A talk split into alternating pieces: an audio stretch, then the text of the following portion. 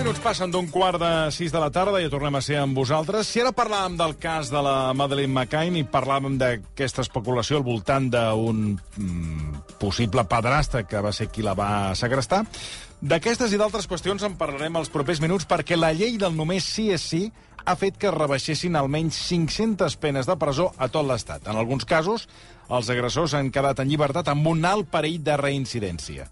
Els agressors sexuals es poden rehabilitar? D'aquestes i altres qüestions en parlarem amb el catedràtic de Psicologia i professor de Criminologia, expert en delinqüència violenta, el eh, professor Antonio Andrés Puello, que ha treballat en programes de tractament penitenciari i ara se centra en la prevenció de la reincidència. Professor, bona tarda.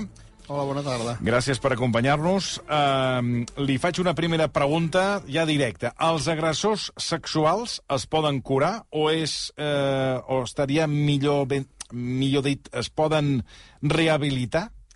La, la resposta és no es poden curar perquè no són malalts. O millor, no, no, el que fan no ho fan perquè tinguin una malaltia. Per tant, no és una bona consideració i eh, podem afegir que sí que es rehabiliten eh, en el sentit de que molts que van cometre un delicte sexual no ho tornen a fer mai més. En fan un, tenen la seva pena o la seva condemna i després no ho tornen a fer durant molts anys. Desgraciadament d'altres que no. Eh? Per tant, hi ha una mica de tot en, aquest, en aquesta resposta. Mm.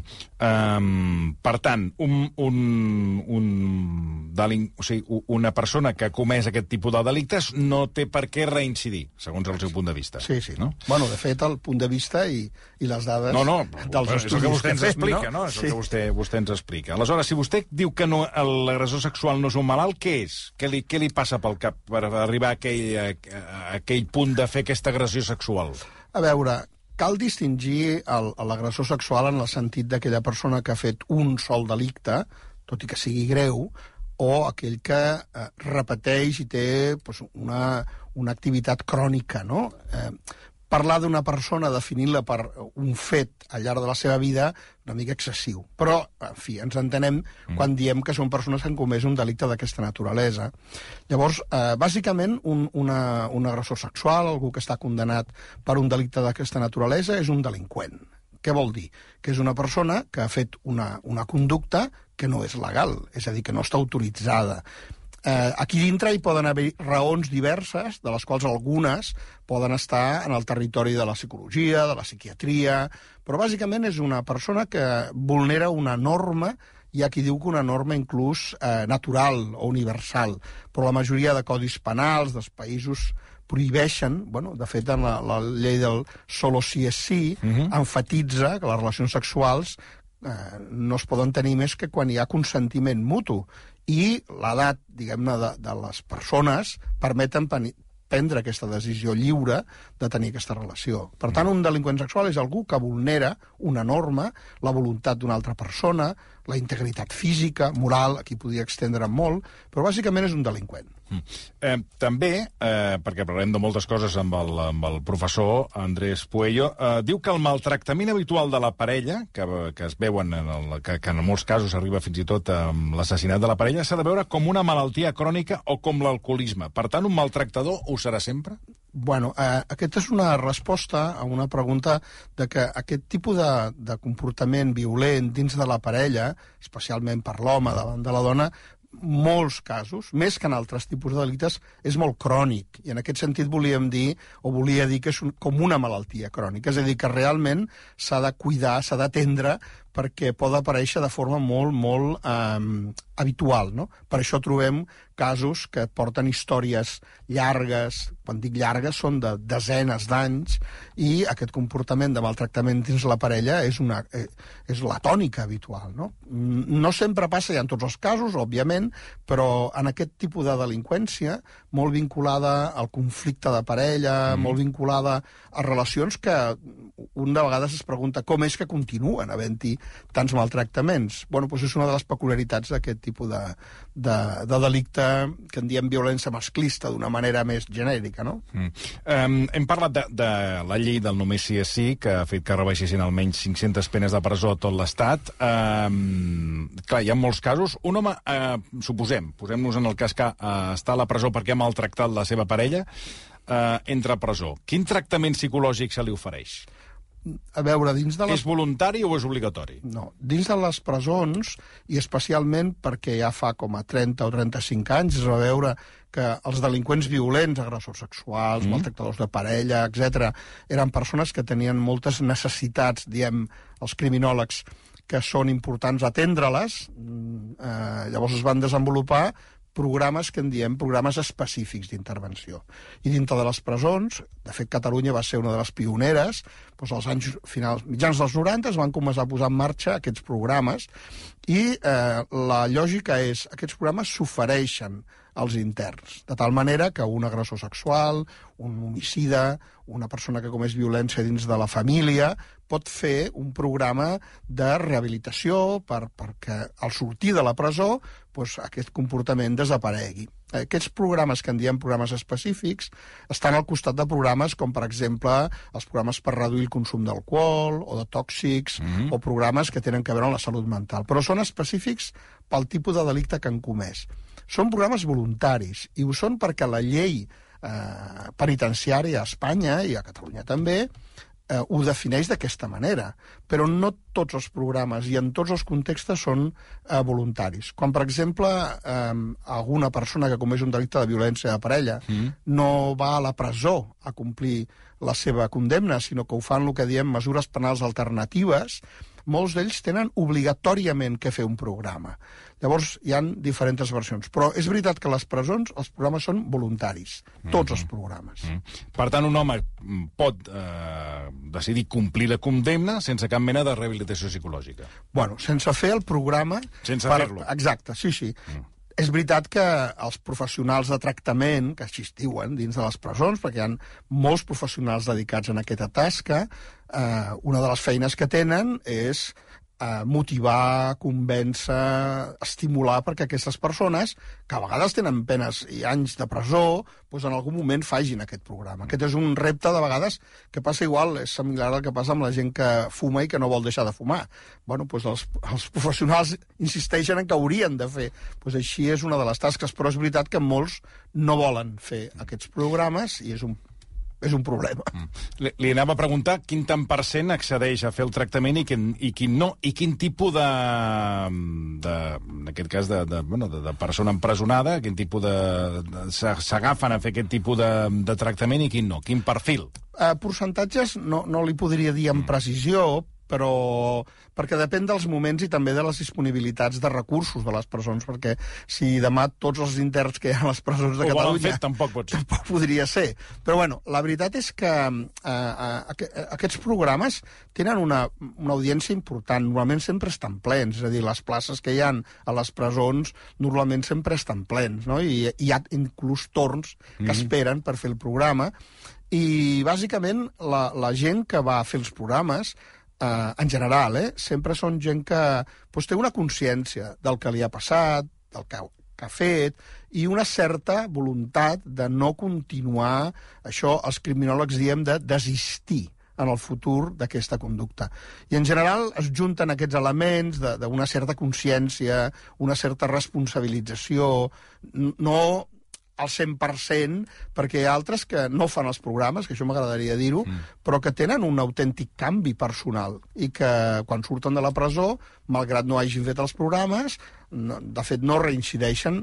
Normalment sempre medim la reincidència a 5 anys, 7 anys, després de sortir de la presó, perquè, clar, si un eh, mira doncs, algú que ha estat a la presó fins als 32 anys, per exemple, i en té 62, doncs, clar, aquest període és molt llarg. Però normalment sempre parlem de que una persona que al cap de 5 anys sortir de la presó no ha tornat a cometre un delicte d'aquesta naturalesa, és quan es considera que hi ha, hi ha si ho fa de nou, bueno, seria com una contingència diferent. Uh, professor, es pot tractar de... Suposo que evidentment no, i vostè m'explicarà com, uh, com, com es tracta, no? Un home que ha agredit a la seva dona, un violador o un assassí? Bé, en general, tots tenen un element en comú, encara que sembli, o, o diversos elements no, en hi ha comú. casos més... Sí. Tots són greus, però n'hi ha uns que són més greus, sí. no? Bàsicament, els tractaments aquests tenen un component que en diem els psicòlegs cognitiu, que té a veure amb les creences. És un, és un gran factor de risc, és a dir, el, el creure que, que un, eh, un pot abusar de la parella, que pot utilitzar la violència física per fer creure als altres, aquest és un dels grans eh, arguments. I això forma part d'aquestes teràpies, d'aquests tractaments, que és canviar les creences. Aquest seria un. Després també un altre és intentar regular els estats d'ànim, els atacs d'ira, les persones que, que són dures amb els altres, que no respecten, no ja perquè creguin o no, sinó perquè tenen estils temperamentals que els fan difícil. Aquest és el segon, el segon bloc. I un tercer bloc és eh, ajudar a l'autocontrol. És a dir, perquè un pot seguir pensant que és legítim o que faria de gust una conducta violenta, però entén, eh, no només perquè la llei ho prohibeix, sinó per les conseqüències que té, i això és el que diem promoure l'autocontrol. De fet, aquest seria una de les grans receptes, no? És a dir, no creure que tu pots fer el que vulguis amb els demés, que hi ha límits, no sentir que eh, aquesta conducta eh, et gratifica i controlar quan eh, perds el control o quan realment pues, estàs en una situació difícil. No? Mm. Eh, li volia preguntar pels menors, perquè clar, els menors no entren a presó i, eh, de fet, un de cada tres agressors sexuals de víctimes ateses a l'Hospital Vall d'Hebron de Barcelona són menors. Què passa quan l'agressor és menor i no entra a presó? A veure, els menors clar, aquí hi ha dos grans categories. El que en tindríem per els que estan entre 14 i 18 anys, que es diuen clàssicament menors, però que corresponen a l'adolescència, i els que són abans dels 14 anys. Uh, els uh, nois, i bàsicament nois, que mm. fan conductes violentes i sobretot sexuals, de menys de 14 anys, són atesos pel que diríem els serveis socials. I aquí hi ha una extensió gran perquè poden tenir atenció pediàtrica, psiquiàtrica, psicològica, però bàsicament no hi ha una acció judicial, no hi ha una acció penal perquè probablement seria més perjudicial que no pas rehabilitadora. Els que estan entre 14 i 18, la llei, eh, la llei espanyola és una, una llei molt bona que permet fer un, una resposta molt individualitzada. I llavors eh, em, em consta, perquè els conec i conec els projectes i fet de supervisor de molts psicòlegs de, de l'àmbit de, de justícia juvenil, en el qual han de medir molt bé per què aquest noi ha fet aquesta conducta, quines són les motivacions, la seva situació, i els jutges tenen un repertori molt gran de mesures. Així com en adults eh, els jutges en tenen poques, tenen pues, o, o presó o, o mesures penals alternatives, a l'àmbit de, de justícia juvenil hi ha molts recursos. Alguns nois eh, reben pues, una, un apercebiment, els pares s'encarreguen de poder corregir aquesta conducta, fins a, a, a internaments en centres no són equivalents a les presons, però els nois perden la llibertat de... Eh, estan internats i allí eh, tenen programes de rehabilitació. Parlem dels casos que, mm, que, que, que són notícia durant aquests darrers mesos, eh, quan surten de la presó, tor que tornen a delinquir, no? Eh, allò que uh -huh. se'n diu que surt un, un, una persona de la presó que no s'ha rehabilitat. La xifra de reincidència a Espanya és del 20%. En, el, en els casos dels agressors sexuals, quina és? Més alta, més baixa? No, és més baixa. Aquest 20% és el promig de qualsevol delinqüent escollit a l'atzar. Pensem que les presons, el gran gruix d'interns són eh, el que diem delinqüents contra la propietat. Poden tenir conductes de, de, de fur, mm -hmm. robatori, robatori amb violència, aquests són el 40 o el 40 o 50%. No? Els agressors sexuals és un grup petit i les seves taxes de reincidència són molt més baixes. Poden estar en la taxa del 7, el 8, a la meitat de reincidència. Són, són menors. El seu equip d'investigació com dèiem al començament d'aquesta conversa, se centra en la prevenció i en determinar si un agressor tornarà a actuar quan surti de la presó. Uh -huh. Expliqui'm una mica quin sistema fan servir, que això em recorda una mica allò, aquella pel·lícula de... Minority, Minority Report, Report, no? De, sí. va, la previsió de quin, eh, bueno, que, quin delicte serà el que cometrà. La veritat és que això és una... El nostre grup de... Jo soc professor de la Facultat de Psicologia i en Psicologia sempre hem tingut una especial dedicació al que és el pronosticar el comportament de les persones. És una de les nostres àrees de treball i eh, farà uns 20 anys ara, perquè vam constituir el grup l'any 2003, o sigui que vam eh, decidir desenvolupar tècniques que havíem vist altres països i havíem sentit en congressos per poder-les traslladar a l'àmbit de català i espanyol perquè, perquè no se'n feien servir. Són, són procediments que permeten fer l'analogia és com fan els homes del temps. És a dir, tu analitzes històries delictives de les persones i fas un pronòstic del que pot passar en els següents mesos i tot això, doncs, naturalment, eh, farcit d'estadística, d'informàtica mm -hmm. i ara d'intel·ligència artificial. És a dir, són procediments quasi matemàtics per intentar saber què és el que farà una persona, més aviat quina probabilitat hi ha que ho faci, perquè si és molt probable, llavors, eh, per evitar-ho s'han de prendre mesures intenses. I si no és tan probable, probablement eh, el que caldria és deixar una mica que el curs natural de les coses, per exemple, hi ha gent que entra a la presó per un delicte inclús greu, però que mai més s'ho torna a repetir.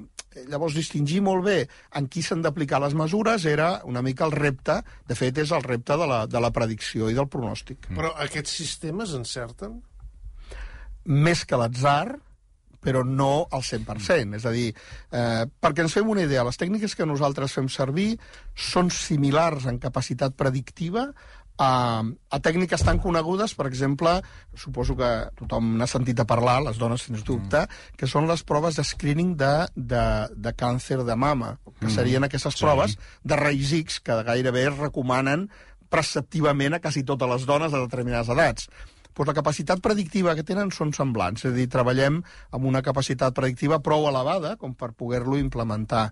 De fet, a Catalunya, és, a, a tot l'Estat, eh, és l'únic entorn on les presons hi ha tot un protocol que es diu Riscanvi, que vam desenvolupar conjuntament el nostre grup de recerca i el Departament de, de Justícia, que s'aplica des de l'any 2011 a tots els interns de les presons de Catalunya. Però es pot, aquest sistema, és a dir, perquè clar, això és eh, vostè deia, ens ha explicat com funciona, pot preveure maltractament, pot arribar a preveure si aquell reclús que després sortirà pot arribar a cometre una, un assassinat? O valora el risc d'assassinat? Sí, sí. O, o valora el risc de reincidència? Sí. Bàsicament, eh, valora eh, el, el protocol que hi ha a les presons catalanes, valora sobretot cinc tipus de risc. Un és que, el, el més important, no? que un intern, al sortir a la comunitat, al tornar a la comunitat, que és com diem habitualment sí, sí, sí. el retorn, pues, pugui cometre un delicte al cap d'un o dos anys. Aquest seria una mica el temps de pronòstic.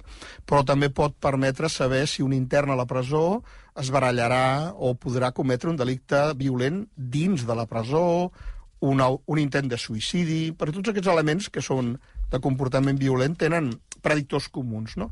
I una vegada parlem de delinqüència violenta, eh, hi han eh, tècniques i guies i protocols que serveixen per discriminar inclús si la violència pot ser contra la parella, o pot ser contra els fills, o pot ser una violència de naturalesa sexual o física...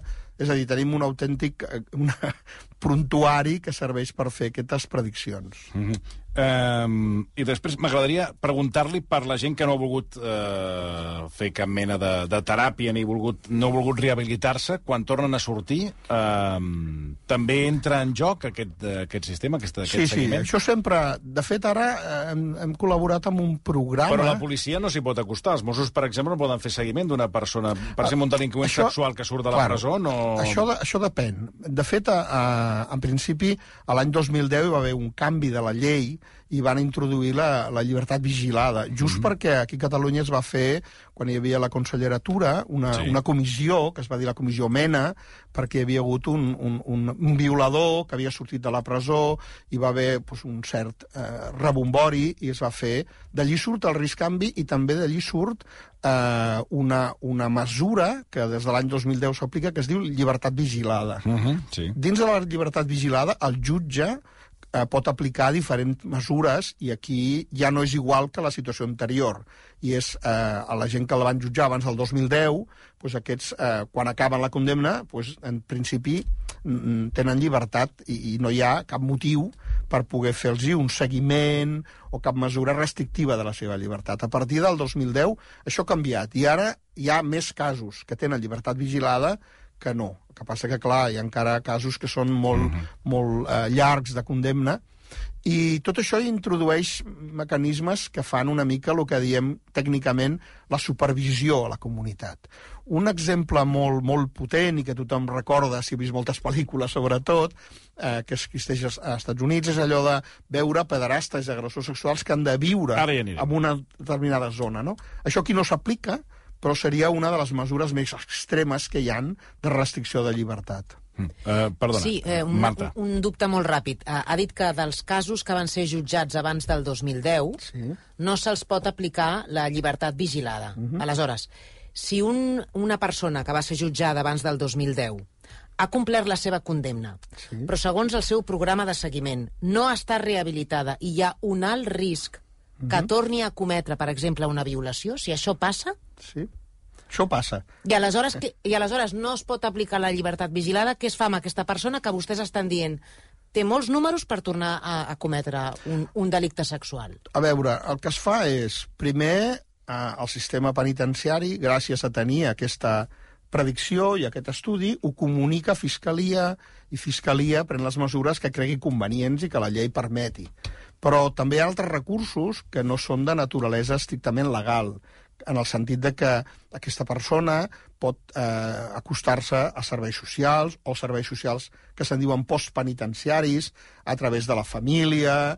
S'intenta tenir una influència per evitar-ho, però tècnicament eh, has de comptar amb la seva aquiescència, amb la seva voluntat de participar, perquè les persones que tenen el risc de reincidència moltes vegades tenen problemes que estan, diguem-ne, mantenint aquest risc. Podem parlar de toxicomanies o de manca de vincles socials, de viure al carrer, de no tenir parella, tot aquest tipus de coses, clar, no, no ho pot resoldre ningú, però en qualsevol cas treballar sobre eh, aquests factors, pues, intentar que mantingui una vinculació al servei sanitari, si tenen algun problema de salut mental, tot això ajuda, però naturalment aquí sí que és indubtable que necessites el, el, el, el paper protagonista de, de la persona que vols reduir aquest risc. Eulàlia.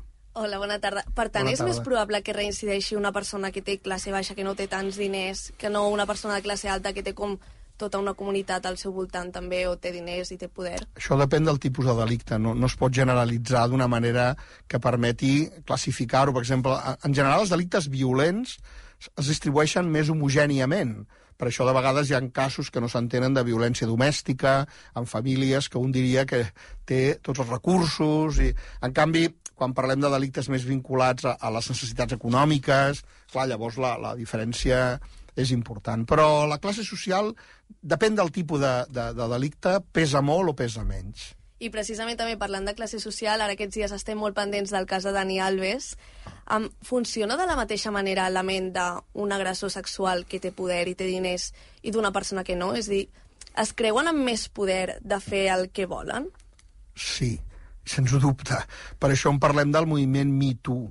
És a dir, durant molts anys s'havia pensat primer que els agressors sexuals eren vampirs, monstres, després van canviar els arguments entorn a la malaltia, després gent psicòpata, predadors, i ara estem en l'època dels poderosos.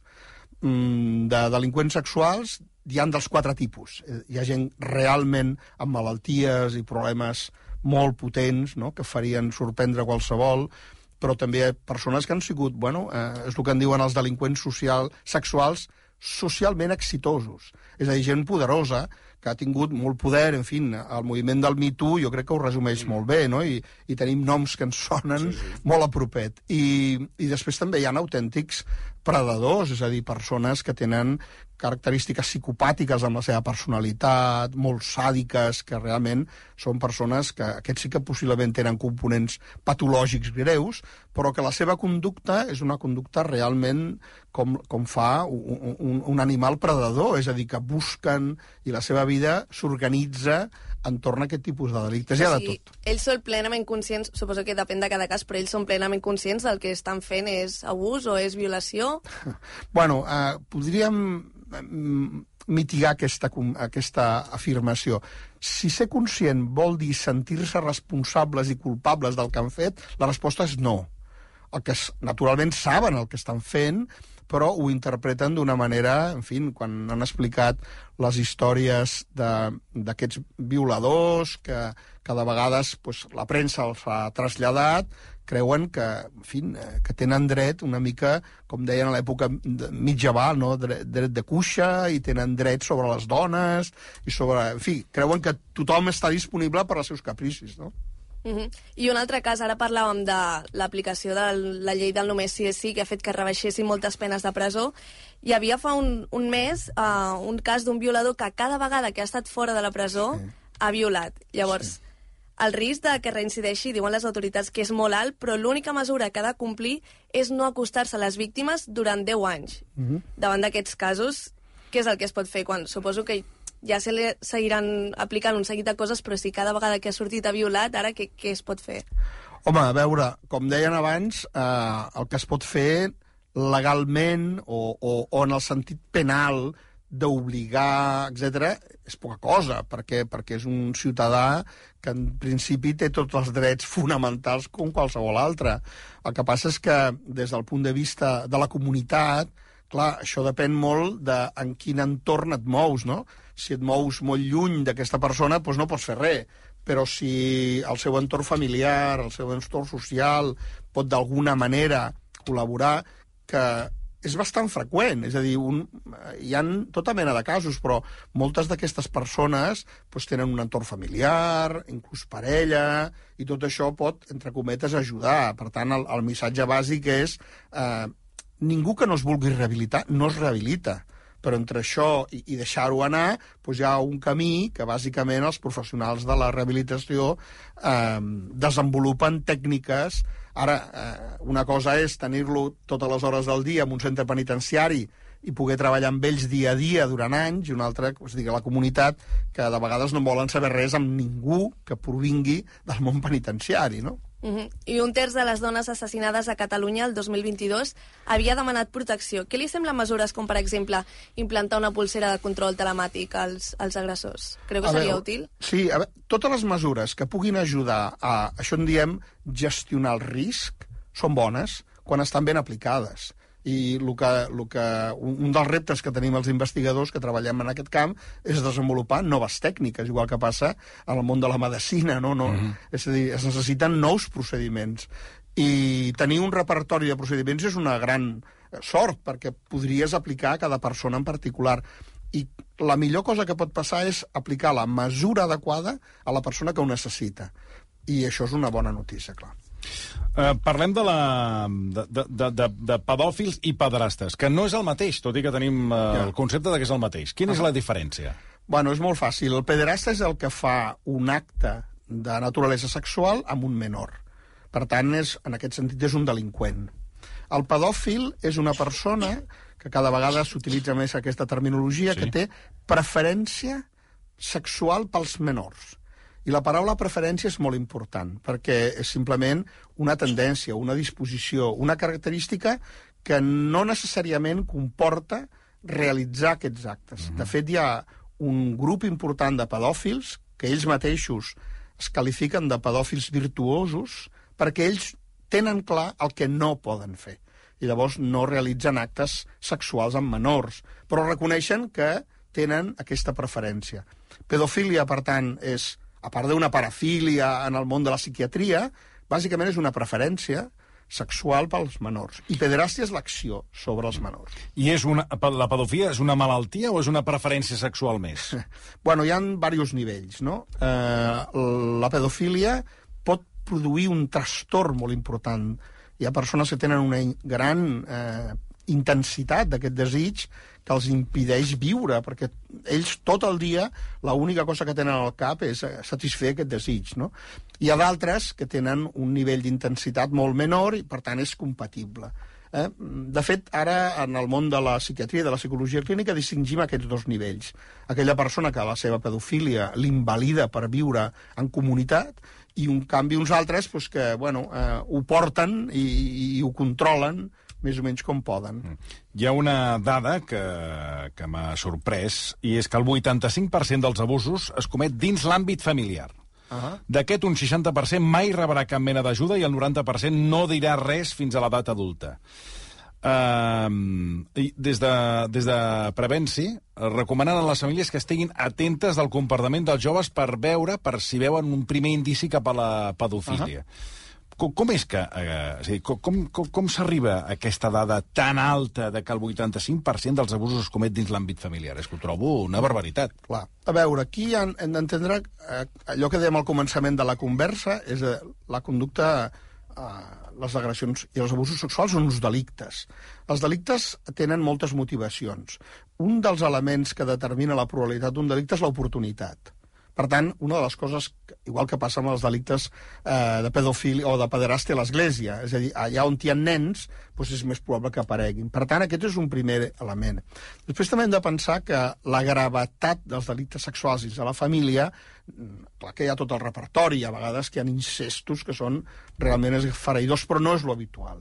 Lo habitual és que aquests abusos sexuals siguin menors en quant a gravetat, no? I per això fa que aquesta tolerància i aquesta sensació de secretisme es pugui mantenir durant més temps. Així que aquest és un element que també forma part de les creences històriques. No? no però, però, perdoni, però això trobo la dada molt alta, el 85% dels abusos que es cometi dins l'àmbit familiar. Bueno, però que aquests són les primeres estimacions que es fan en la mesura en què hem anat descobrint el que es diu la xifra fosca. És a dir, normalment quan un delicte sexual sobre un menor comporta pues, la mort del menor o, o, o una, uh -huh. en fi, un, danys importants, normalment aquests delictes a la societat que vivim es coneixen i es detecten. No? Llavors, què passa? Que tots aquests que són menys greus i que es poden mantenir en secret, doncs, naturalment, eh, passen desapercebuts. I un dels entorns on això pot passar d'una manera molt probable és a la família. Per què? Perquè dins de la família entre no, no, cometes, clar, no intervé ningú. No, no, clar, clar. I això és el que ha fet que es mantingui com a gran eh, gruix.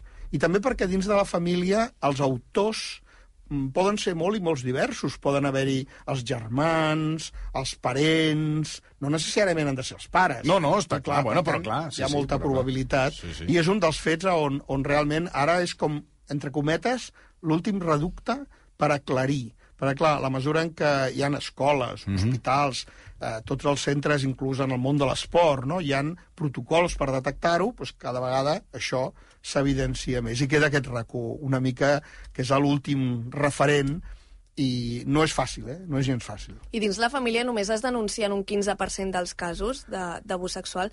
Que això és perquè dins la mateixa família no es vol explicar perquè hi ha alguna mena d'acceptació, de tapar-ho, que no se sàpiga? Bueno, a veure, aquí hi han dues coses diferents. Primera, eh, l'abús sexual i l'agressió sexual dins de les famílies és un secret que porten d'una manera molt, molt acurada l'agressor i la víctima. Clar, les víctimes són menors, les víctimes estan sotmeses, per això és un dels elements clave, i hasta que no són grans o tenen una certa capacitat de reacció, inclús una consciència del que els hi ha passat, doncs per això no es fan aquestes denúncies. Per tant, moltes vegades no és que la família ho sàpiga i ho amagui, normalment és al revés, és dir, no ho saben i, i això naturalment està amagat.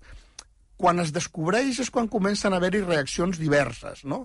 Cada vegada hi ha més consciència de que la víctima no és la culpable dels abusos, però durant molt temps s'havia pensat que probablement la víctima tenia un paper de responsabilitat, igual que havia passat amb els delictes sexuals de dones adultes. No? Tot això està en fase de canvi, però les costums, les creences...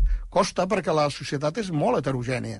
Hi han moltes formes de veure com funciona la família, moltes creences que un podria dir com pot ser que algú pensi que tenir relacions sexuals amb una filla eh, no és una, una autèntica barbaritat, no? A poc a poc això va, va canviant, però hi han persones que tenen creences estranyes i creences que toleren i justifiquen coses que ara tothom entén que són atentats molt greus contra la integritat dels nens. Deixem fer una última pregunta, perquè no ens queda més temps. El 2022 hi va haver més de 17.000 denúncies d'agressions sexuals a Catalunya. Això són 3.500 més que eh, 10 anys abans. Aquest estiu hi ha hagut un 20% més de denúncies que abans de la pandèmia. Eh, vostè li troba alguna explicació? Sí, una explicació i, a més, és una bona notícia un pot dir, com pot ser que sigui una bona notícia? És una notícia perquè ja ho ha dit la, la companya, el 15 o 20% de, delic, de, de delictes sexuals es denuncien o es descobreixen. Per tant, queda un 80% que no. Conforme hi ha més denúncies, vol dir que la xifra negra es va reduint i es pot intervenir. Això és una bona, una bona notícia que molts responsables policials no els hi agrada gaire, perquè, clar, vol dir que les coses estan empitjorant. Però, bueno, és una dinàmica inevitable. Es, es va coneixent més. I segona, eh, notícia important des d'aquest punt de vista és que es pot intervenir i es pot conèixer millor el fenomen i poder donar solucions que d'altra manera, ho hem vist amb el tema de l'Església Catòlica, clar, que alguna persona de 62 anys digui que com va tenir 8 anys en un col·legi te'l van abusar, doncs, bueno, només pots donar que fe de que això ha passat, no? I de, i de lo negatiu que és, però ja ningú pot fer, ningú pot fer res. Llavors és molt interessant i molt important tenir present que aquesta, aquests indicadors eh, jo crec que estan augmentant perquè hi ha molta més consciència de lo intolerable i, i, i lo dolent i negatiu que és. De fet, han calculat que Espanya, eh, tot l'estat espanyol, a, a l'any els costos que generen els abusos sexuals infantils, tenint en compte presons, serveis d'emergències, tot el... Es podíem estar parlant d'uns 900 milions d'euros anuals, perquè estem parlant de gent que està a la presó durant anys que ens costen a tots els ciutadans molts diners. I al final realment és allò que dius, home, pues, valdria la pena fer prevenció no només pels, per, les, per les víctimes, sinó també perquè ens costa a, a, a, a la societat un, una autèntica fortuna, molt, molts diners. Mm. Bueno, per tant, ho hem de veure des de... També ho hem de veure així, no només no, no, d'una manera. Per això li dic. Sí. Eh, ens ha ajudat a veure-ho des d'una altra, des altra òptica. Eh, professor, moltíssimes gràcies, gràcies per haver-nos acompanyat aquesta tarda. El professor Antonio Andrés Puello, catedràtic de Psicologia i professor de Criminologia, expert en delinqüència violenta. Fem una pausa de 3 minuts i a tocar de les 6 saludarem Rocco Estenhauser. Fins ara mateix.